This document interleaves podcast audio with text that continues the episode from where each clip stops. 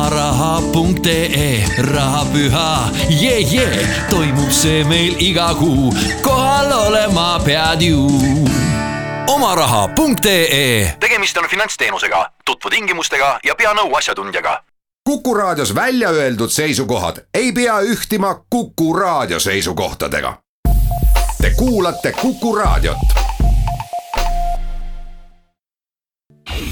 Te kuulate saadet viisteist neliteist saab kohe kell ja mul on hea meel tervitada nüüd stuudios peaminister Jüri Ratas, tere päevast. tere päevast ja suur tänu kutsumast ja kõike head Kuku raadio kuulajatele. õige pea hakkab peaminister vastama, head kuulajad, teie küsimustele, aga ma kasutan võimalust, küsin kõigepealt ise esimese küsimuse ära. Eh, nimelt eh, üks teema, mis on siin nüüd eilsest alates natukene üleval olnud, see puudutab õiguskantsleri poolt eh, tehtud mm, tagasipöördumist või, või pöördumist siis valitsuse poole. ehk siis valitsuse rahaeralduse otsust hüvitada kirikutele okupatsioonide ja sõjaga tekitatud kahju ligi kaheksa miljoni euro ulatuses omandireformi reservfondist, mis õiguskantsleri hinnangul on põhiseadusega vastuolus. Eh, Postimees kirjutab tänases eh, juhtkirjas, et Ratase valitsus on sellega üles näidanud austuse puudumist põhiseaduse vastu. kuidas te kommenteerite? no ega Postimehe juhtkiri tavaliselt üks kuuest päevast viiel kirjutab, et eh, see valitsus peaks tagasi astuma ja seda ta loomulikult võib kirjutada. aga me võtame õiguskantsleri seda tõstatatud teemat tõsiselt, loomulikult. et homme hommikul mul on kohtumine vastava valdkonna ministritega ja eks valitsus peab siis oma positsiooni nüüd siin kujundama, et äh, kui nähakse seal riivet põhiseadusega, siis ma usun, et on võimalik äh, ja see tuleb lahendada teiselt poolt ma ei taha, et äh, taaskord jääb nii nagu kaks, üle kahekümne viie aasta on see Niguliste kirik olnud tegelikult maa ja, maa ja taeva vahel, et, et kas ta kellele ta siis kuulub, missugune see omandireform või omandi, ütleme, staatus on, et, et äh, meie soov oli see Niguliste küsimus lahendada ja. ja tegelikult see lahendus on ju saavutatud, et kiriku ja riigi vahelise kokkulepe on sõlmitud, tõsi küll, nüüd on see õiguskantsleri mm, äh, ütleme, tähelepanu juhtimine ja põhiseadusliku riive osas, et me võtame seda tõsiselt ja kindlasti tegeleme sellega, ma usun, et äh, lähinädalatel või lähinädalal me suudame anda siin vastuse. no siin on peaasjalikult viidatud sellele, et see otsustusõigus peaks olema riigikogu käes, mitte mitte valitsuse käes. kas, kuidas see selline asi läbi minna saab küsida, et kas juristid sellele varasemalt äh, tähelepanu ei pööranud? nagu ikka öeldakse, et kui on mitu juristi, siis on ka neid arvamusi rohkem, et tõsi on see, et äh, seda, seda arutelu me oleme pidanud ka juba siin eelnevatel nädalatel ja meie juristid nii riigikantseleist, nii rahandusministeeriumist kui ka justiitsministeeriumist on kujundanud oma positsiooni ja see positsioon on ühtne, et seda riivet ei ole olnud aga eks siis nüüd, kui on asi ametlik, tuleb äh, sellele astuda ka neid samme, et see asi saaks korda. üks positiivne asi ka, ma kasutan veel kord võimalust kommentaari küsida, majanduskasvu numbrid on tulnud. Suurepärased majanduskasvu numbrid on äh, tulnud ja ma alustan siin nagu ikka kõigepealt tänu meie ettevõtjatele, et ma olen kaugel sellest, et nüüd äh, valitsus vahetus ja nüüd majanduskasv äh, tuleb, et, et loomulikult seda on andnud seda sisendit meie ettevõtjad.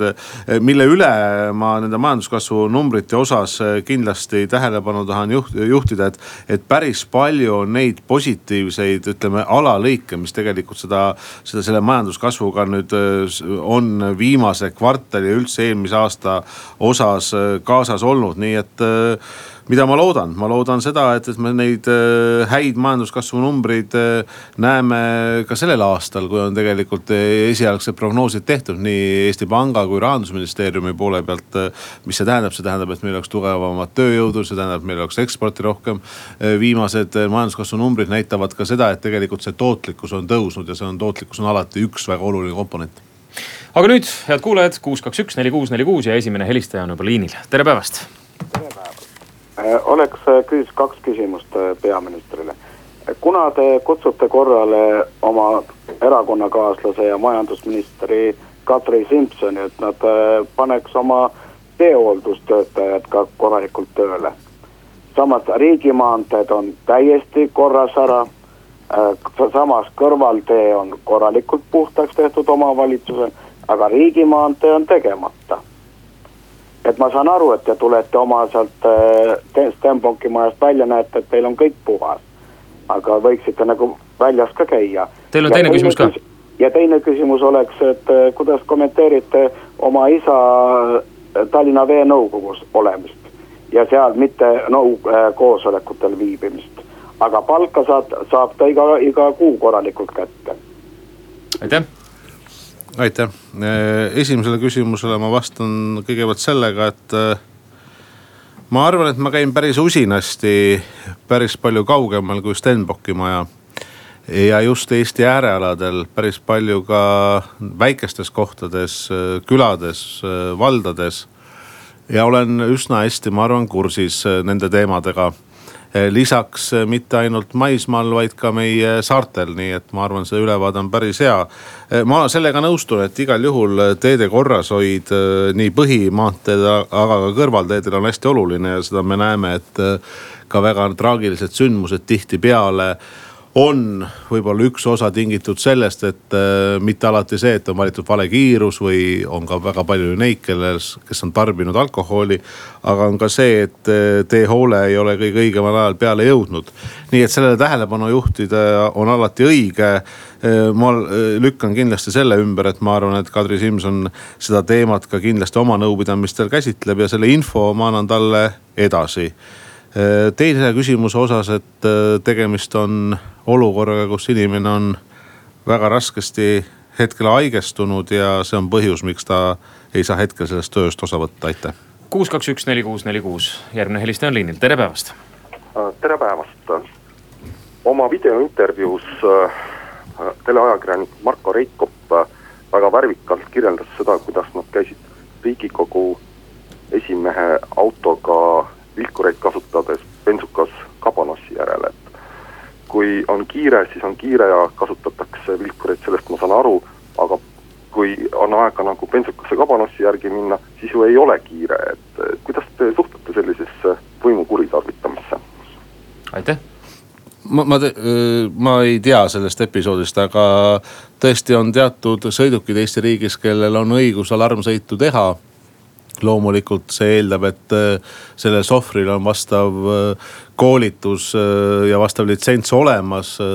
Neid alarmsõidu tegemise põhjuseid, need on seotud ja peavad olema seotud tööülesannete täitmisega, aitäh.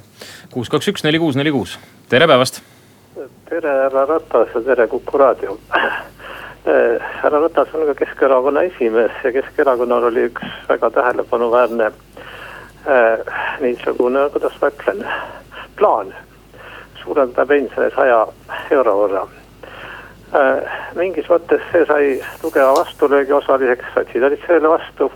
aga samal ajal on Keskerakond hakkama saanud ühe väga toreda asjaga, nimelt selle astmelise tulumaksuga ehk Eesti inimeste tulude ebaühtlust arvestades on suurem koorem ikkagi Äh, võetud ära nendelt, kellel äh, sissetulek ka raskusi. Äh, mida ma rääkida tahan, seda, et selle pensioni ettepanekuga on teine probleem seotud nimelt soodustuste jagamisega. soodustuste jagamised on näiteks teise pensionisambasse neli protsenti juurde panemine, pensionide tõstmine natuke üle seitsme protsendi lähiajal.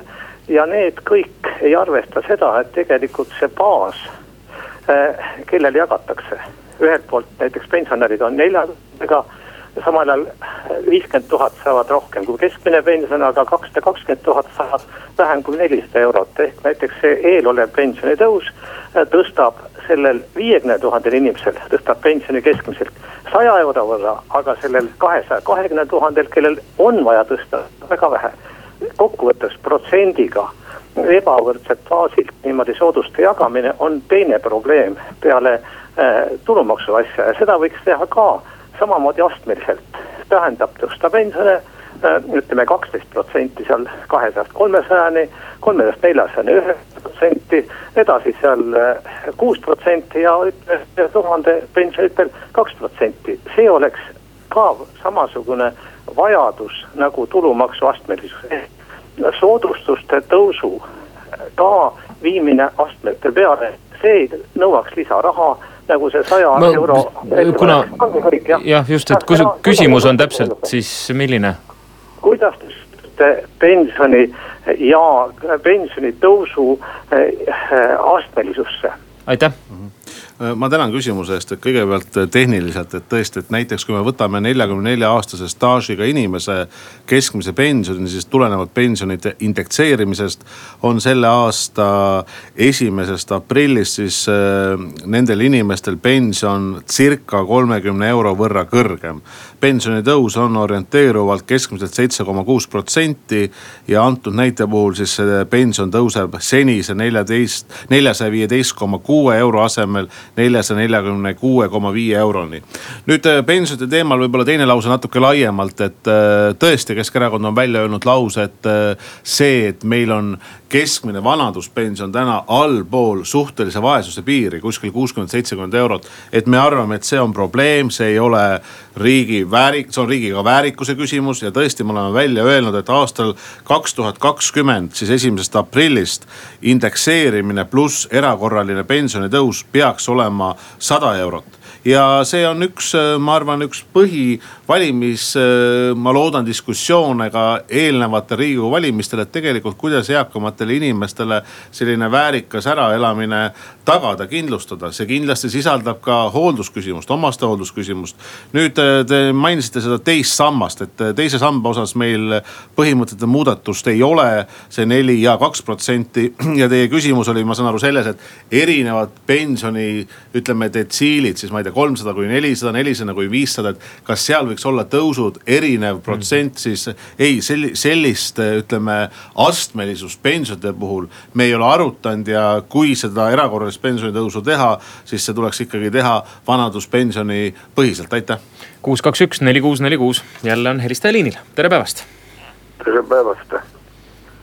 ma tahaks helistada sellepärast, olen jälginud seda Äh, Läti viinaralli ja kogu seda alkoholiaktsiisi maksuprobleemi ja olen hakanud mõtlema selle peale ja pole seda paljude inimestele rääkinud. omal ajal Vene tsaaririik sai jalad alla, kui äh, kehtestas alkoholimonopoli. meie ümber on ta paljudel riikidel, mis pole vähem demokraatlikud kui meie, on see olemas. kui Sa Savisaar sai oma raudtee taasriigistamisega hakkama, siis pole ju mõtet, eh, ring on niivõrd väike. Ilmselt ka kui teha ka eh, referendum, toetaks eh, kogu suurem osa rahvast seda alkoholimonopoli taasriigistamist. aitäh, meil lihtsalt pole väga palju aega härra peaminister. aitäh, kõigepealt ma saan aru, et te vihjasite pärast kahekümne neljandale veebruarile, kui paljud Eesti inimesed mm. käisid ostmas alkoholi ja võib-olla ka siis muid kaupe, kaupasid Lätis. vaba riik, vaba maa, inimesed teevad, mida nad soovivad, minule jääb küll juubelinädal teiste sümbolite, teiste tähendustega meelde. see oli tegelikult Eesti ühtsus, see oli see, et väga palju Eesti inimesi tuli erinevates kohtades Eestimaal, kus olid lipuheiskamised. näiteks nagu öö, öö, Tartu linnas, näiteks nagu Mulgi majakale lipuheiskamine, kus tõesti inimesed tulid välja väikestes kohtades. mul oli au panna Jaan Tõnissonile ümber kaela Eesti sinimustvalge sall, sinimustvalge värvidega sall. et mul jääb pigem see sidusus, rõõmus meel see kindel lootusrikas vaade tulevikku, mul jääb see meelde. nüüd, teie ettepanekul, et kas alkoholi äh, võiks kuidagi taasriigistada või alkoholimonopol tekitada riigi poolt ja panna see referendumile, äh, lühisvastus, ei, ma ei pea seda õigeks, ma ei toeta seda. saate toob teieni premiumdisain.ee viisteist kolmkümmend kolm on kell nüüd, peaminister Jüri Ratas on jätkuvalt stuudios külas ja valmis vastama, head kuulajad, teie küsimustele. kuus, kaks, üks, neli, kuus, neli, kuus on telefoninumber ja järgmine küsija on liinil, tere päevast. tere päevast. Eh, mina saan ka väga, väga hästi aru, riik ei saa ilma rahata eksisteerida, selle jaoks on maksud. aga kas see võiks ikka natuke ümber vaadata, kuidas see käib, et firmad on täitsa tulumaksuvabad.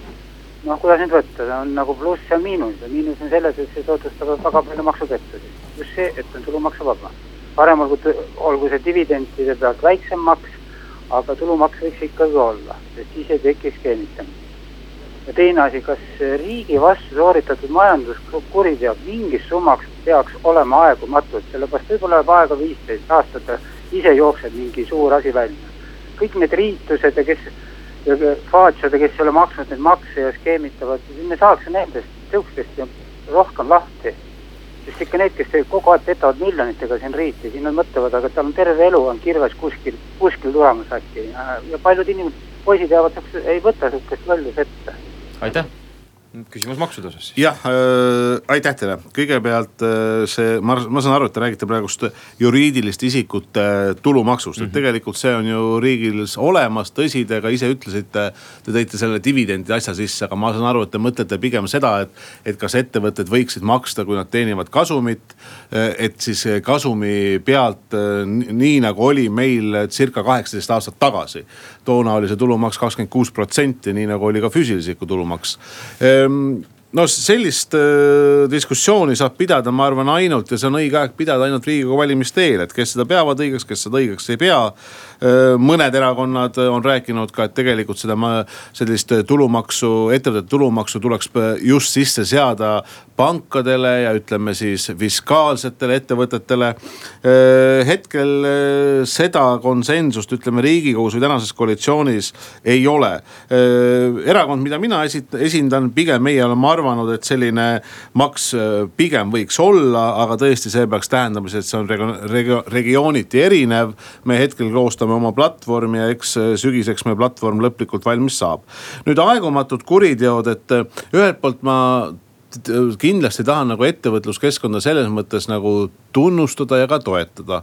et see, kes ettevõtja, see ettevõtja, kes ühel hetkel läheb pankrotti. et see minu meelest ei tohiks mitte mingil juhul tähendada seda, et ta on nüüd karistatud ja ta ei saa enam ettevõtlusega tegeleda. mis siin, see on küll raske lause, aga see pankrot on üks ettevõtluse osa. et taas alustada ettevõtlusega, teatavasti tuuakse siin näiteid üsna sageli Ameerika Ühendriikides, kus selline noh, pankrotti minev ettevõtja taas alustab ja läheb edasi. kas aegumatud kuriteod, ma arvan, et pigem me peaksime rohkem siin fokusseerima just nendele instantsidele riigis, kes sel hetkel, kui sellised asjad aset leiavad, et neil oleks veel suurem võimekus kontrollida ja seda ennetada, keda ma siin silmas pean. olgu see politsei, olgu see Maksu-Tolliamet ja nii edasi, aitäh. kuus, kaks, üks, neli, kuus, neli, kuus, järgmine helistaja on liinil, tere päevast. soovin Jürile palju jõudu pea vastu. Kas teil küsimus ka on? ei ole, lihtsalt hea soov. Äh, jõudu tarvis, aitäh teile. kuus, kaks, üks, neli, kuus, neli, kuus. järgmine helistaja on nüüd liinil, tere päevast. tere päevast. halloo. ja kuuleme teid. tere, minul on niisugune küsimus, ehkki Jüri Ratas ei ole nüüd sellega otseselt võib-olla seotud, et, et noor pensionär siin sain kahekümne esimesel veebruaril oma paberid kätte. Ja probleem selles, et makstud sotsmaksu olen FIE miinimumpalga järgi aastas siis üheksakümmend üheksa, nagu see algas.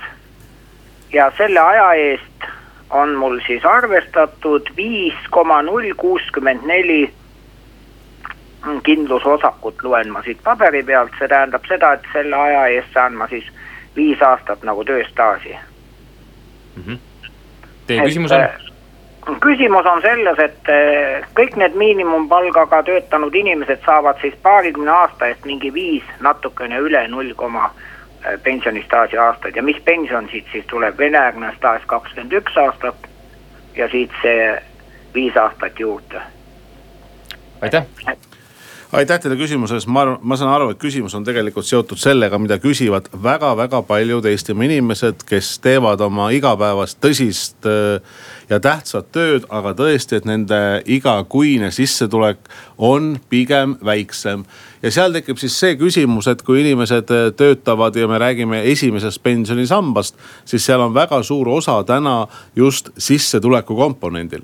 nüüd äh, tänane valitsus on otsustanud viia ellu pensionireformi, mida see tähendab, see tähendab seda, et esimeses sambas saab domineerivaks komponent, mis on just staaži pealt, tööstaaži pealt ja teine pensionisammas, see jääb kehtima, sinna avatakse uuesti sissemaksed.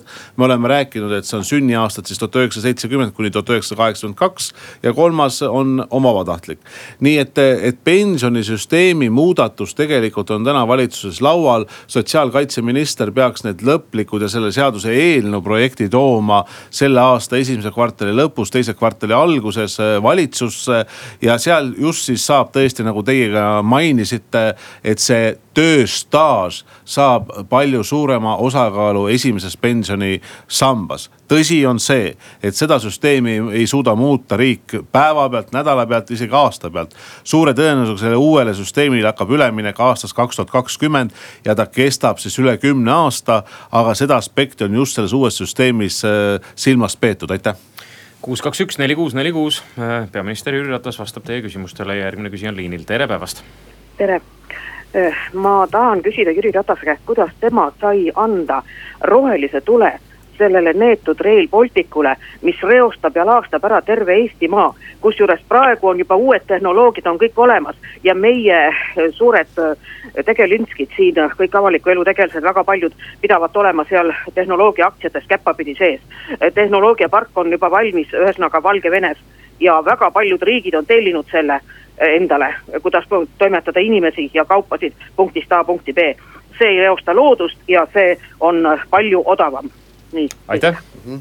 -hmm. ma väga tänan, et kindlasti uued tehnoloogiad on alati teretulnud, ma täpselt proua ei tea mis tehnoloogiat te silmas peate, et mulle ainukene mõte, mis mul tekkis, et kas see on siis õhus mingisugune transpordiõlg ja siis ta saab olla lennuliiklus või ta on maa all ja see tähendab siis väga võimsat suurt äh, tunneliehitust. nüüd, kui rääkida sellest Rail Balticust, siis tõsi on see, et mis on meie probleem, probleem on see, et tegelikult meil ei ole ühendust täna Balti riikide vahel ja meil ei ole absoluutselt ühendust Balti, kui me räägime rongiliiklusest, Balti riikide ja Kesk-Euroopa vahel. Rail Baltic selle ühenduse meile annaks nüüd äh, teiselt poolt me tea, ei saa ära unustada seda, et ka Soome riik ehitab oma raudteeühendust välja põhjast lõunasse. mis omakorda on väga tõsiselt pannud lauale ja tõstnud minu meelest teema aktuaalsust, aga ka teema realistlikkust. on siis see võimalik Helsingi Tallinna vaheline tunnel. siin aastaarvu öelda, millal see valmis saab, seda on väga keeruline, aga ma arvan, seda teemat tuleb alustada. nüüd Rail Balticu osas, et äh, see tähendab Tallinnast siitsamast Ülemistelt äh, Pärnusse kuskil nelikümmend kolm minutit, Riiga paar tundi ja Kaunasesse kolm pool tundi. Tõsi on see, et eks iga tee-ehitus, eks iga ka raudtee-ehitus mingil määral ju looduskeskkonna halvendab, et selle vastu me ei saa, aga siin tuleb lähtuda ka sellest, et mis on selle majanduslik mõju mõju, mis on selle sotsiaalpoliitiline mõju ja seda ühisosa leida. mina isiklikult arvan, et sellist ühendust Eestil on vaja ja mulle tundub, et see momentum on täna meil laual, et kas me läheme selle Rail Balticuga kolme Balti riigiga edasi või kui me täna ei lähe, siis seda momentumit suure tõenäosusega lähitulevikus ei tule. ma toetan igal juhul edasiminekut. Võtame ühe kõne veel vastu, kuus, kaks, üks, neli, kuus, neli, kuus, enne kui reklaamipausile läheme, tere päevast tere päevast, jõudu tööle, härra peaminister, mina olen Erik Tartust. kas on arutatud ka võimalust raudtee viimiseks õhku, tähendab tugipostidele? nagu on maailmas mujal juba olemas kiirliinid, tähendab sel juhul kaoksid ära kõik need rääkimised pooleks lõikamisest ja valli ehitamisest ja loodusreostusest ja tea millest. ja ma ei tea, palju kordi see kallim oleks tulnud, aga kasu oleks kindlasti rohkem olnud, aitäh aitäh. aitäh, tervitusi kõigepealt Tartusse, mulle meenub vabariigi aastapäeva eelsed päevad, kui oli võimalus Tartus olla kahekümne teisel veebruaril ja just seal Tartu veetornis ju taas avati Rotary klubide poolt, mitte avati taas, vaid just avati eh, lipp ja lipu, lipusammas ja lipu lehvimine. ma loodan, et see eh, lipp seal ilusti lehvib ja, ja kaunilt lehvib. nüüd äh, teie küsimus, et tõsta see raudtee sammaste peale, et äh, Rail Balticu kogupikkus peaks olema Eesti territooriumilt circa kakssada kolmteist kilomeetrit ehituslikult ma usun, teoreetiliselt see on kindlasti mõeldav. küsimus on, mida te ise ka ütlesite, et selle, selles maksumuses ja ma arvan, et lihtsalt see maksumus ei ole aktsepteeritav, ei ole mõistlik selliselt seda raudteed ehitada. ma ei tea ka kuskil maailmas, et nii pikalt äh, raudtee, ütleme siis äh, õlg, äh, mis on üle kahesaja kilomeetri, oleks postide peale ehitatud ja siis on küsimus, kui kõrged need postid on. nii et ma arvan, et siin on, siin on välja püüdud arvestada kõige mõistlikum äh, Äh, lahendus äh, ja mis ei halvenda siis loomulikult kvaliteeti ja mis tähendab seda, et, et igasugused viaduktid, kas alt või ülevalt ja ka ütleme metsloomarajad, et need on sinna sisse planeeritud. Te kuulate saadet viisteist nelikümmend seitse on kell, jätkuvalt on külas peaminister Jüri Ratas, kes jätkuvalt on valmis vastama teie küsimustele ja telefoninumber stuudios on kuus, kaks, üks, neli, kuus, neli, kuus. Telefon on ka helisenud, tere. Tere päevast ja tere ka härra peaministrile. tervist. küsimus oleks siis selline, et äh, kehtestati raskeveokitele teekasutustasu, et äh, paraku täna jääb mulje, et see on kehtestatud vaid Eesti veokitele kuna ei kontrollita või piisavalt vähe kontrollitakse siit äh, läbisõitvat transporti. ja, ja samuti ka trahvid, mis neile määratakse, need ei laeku riigikassasse. Vist oli ainult kakskümmend protsenti, mis laekub.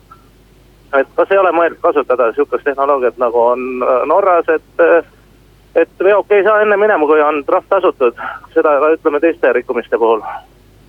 et saada see saada see asi kontrolli alla, et praegusel juhul on see, see ainult ütleme Eesti, Eesti turu piiramine. aitäh äh, ma tänan, et kindlasti seda ei maksa ju ainult Eesti äh, raskeveokid ja Eesti raskeveokite ettevõtted, et seda peavad maksma punkt üks kõik, kes siit läbi sõidavad. Ja tõesti oli Eesti minu meelest üks väheseid ennem seda kehtestamist, kes sellist tasu äh, võttis küll oma riigi ütleme siis eh, ettevõtjatelt või, või, eh, või raskeveokite juhtidelt, aga ei võtnud välisriikide omalt. nüüd see, et see kontroll peaks olema veel parem, jah, ma olen nõus. kui ma pean siin raadioeetrist otse vastama sellele küsimusele, et kas kuidagi, kui see tasu on maksmata, et või on mingid muud trahvid, nagu te ütlesite, et, et tuleks jätta see sõiduk nagu tee äärde. siis kindlasti ma luban, et ma seda teemat vastavate inimestega konsulteerin, aga, aga, aga ma arvan, et hetkel öelda siin, et, et see nii saab olema, et selleks kindlasti seda teadmist mul ja valmidust ei ole, aitäh. kuus, kaks, üks, neli, kuus, neli, kuus, tere päevast.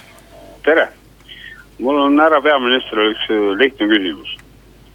et äh, kuidas kommenteeritakse seda, et äh, töövõimetuspension võetakse maksu? tänasel päeval aitäh, et äh, see on tõesti nii, et üks on siis äh, toetuse maksmine, teine on äh, pensioni maksmine, et ühe pealt on maksu maksmine, teise poolt ei ole maksu maksmine, aitäh. kuus, kaks, üks, neli, kuus, neli, kuus. tere päevast.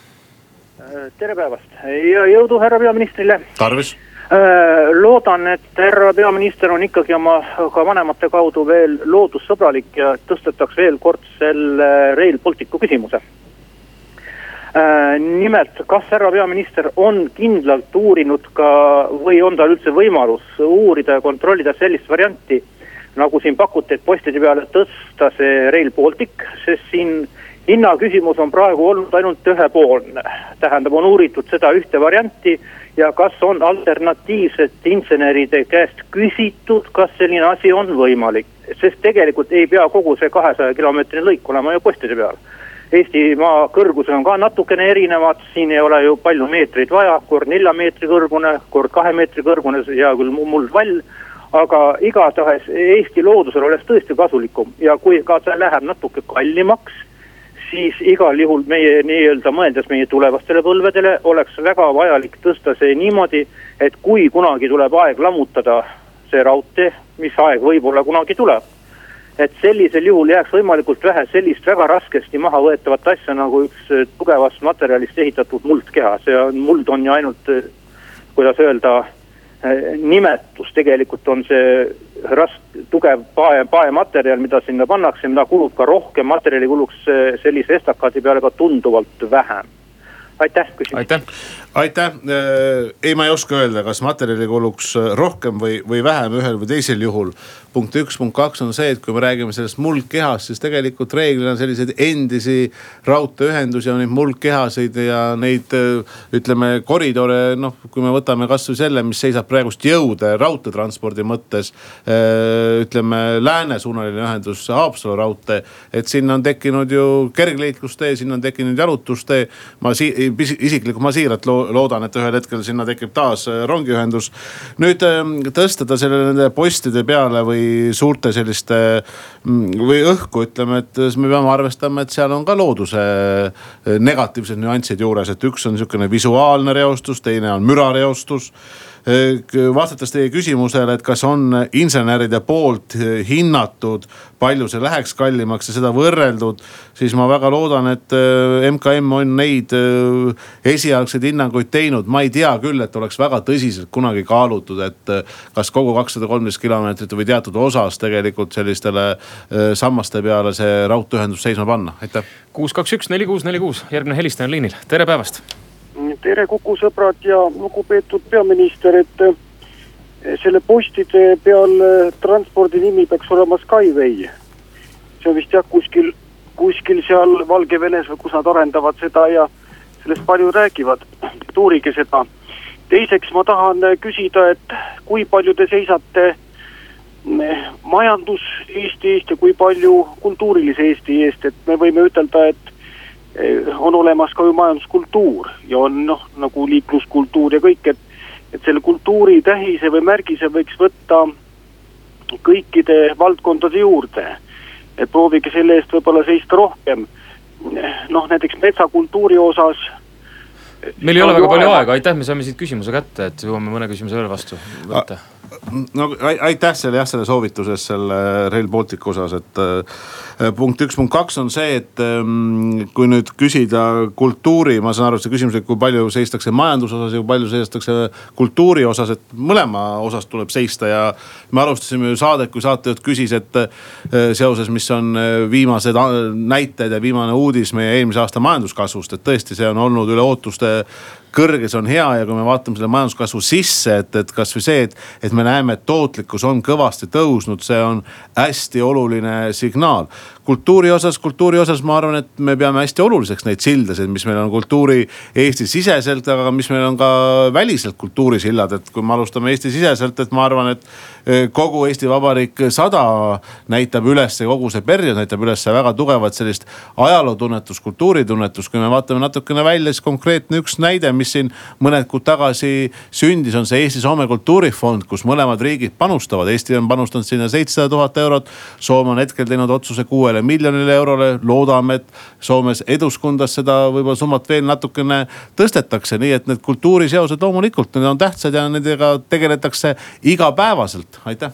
ma kasutan lõpetuseks küsida, võimaluse küsida veel ise, kuna värskelt on tulnud teade selle kohta, et tervise- ja tööministri ja Sotsiaaldemokraatliku Erakonna juhi Jevgeni Ossinovski hinnangul võiks tulevaks aastaks plaanitud alkoholiaktsiisi tõusud ära jätta, nagu ta on siis oma kirjas oma erakaaslaste, erakonnakaaslastele välja toonud, siis kuidas sellega nüüd saab? Mis, mis seis meil alkoholiaktsiisi tõusudega on uuel aastal? Ma arvan, et see oli võib-olla isegi Kuku raadio üks nüüd juba võib-olla üks kuu aega tagasi, kui mul oli võimalus siin olla ja. ja siis ma ütlesin, et minu meelest arvestades seda konjunktuuri, mis laekumistest me näeme tegelikult ja mis me piirikaubandusest näeme.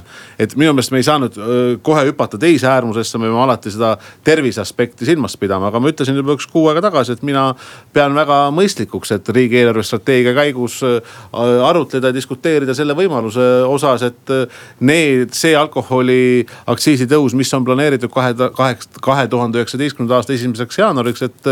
et see ära jätta või, või selle üle arutleda, et, et ma arvan, et see aeg tuleb valitsusel märts-aprill, kui me seda arutama hakkame. teiselt poolt ma olen nõus sellega, et see aktsiisi ja piirikaubandus, ütleme, mis sai alguse Reformierakonna valitsuses, et, et loomulikult siia, siin tuleb vaadata seda, et, et seda vähendada, et see selge on see, et, et majanduslikus mõttes see meile probleem on. ja tänane valitsus on teatud otsused ka teinud aktsiisipoliitikas, et seda leevendada, näiteks diislikütuse aktsiis selle aasta algusest ei tõusnud. ja me vähendasime tegelikult ka eelneva valitsuse või eelmise valitsuse poolt planeeritud kange alkoholi aktsiisi tõusu, see ei ole nii kõrge, kui see pidi olema. aga eh, ma usun küll, et täna tänast eh, piirikaubanduse seisu arvestades eh, sellise aktsiisitõusuga kaks tuhat üheksateist esimesest jaanuarist edasi minna ei saa. praegu tundub, et koalitsioonis on ka üksmeel selles osas, kui nüüd viimast väljaütlemist ka vaadata. koalitsioon on tõesti töine ja arutab neid küsimusi nõupidamistel ja suhe on usalduslik ja, ja just on see soov, et tegelikult otsuseid langetada, mitte otsus, otsustust eh, edasi lükata või, või ütleme mõned on kasutanud sellist väljendit nagu tiksuda, valitsusel pole ühtegi tundi aega tiksuda siin Eestis. peaminister Jüri Ratas, suur aitäh tulemast, kohtumiseni taas. suur tänu.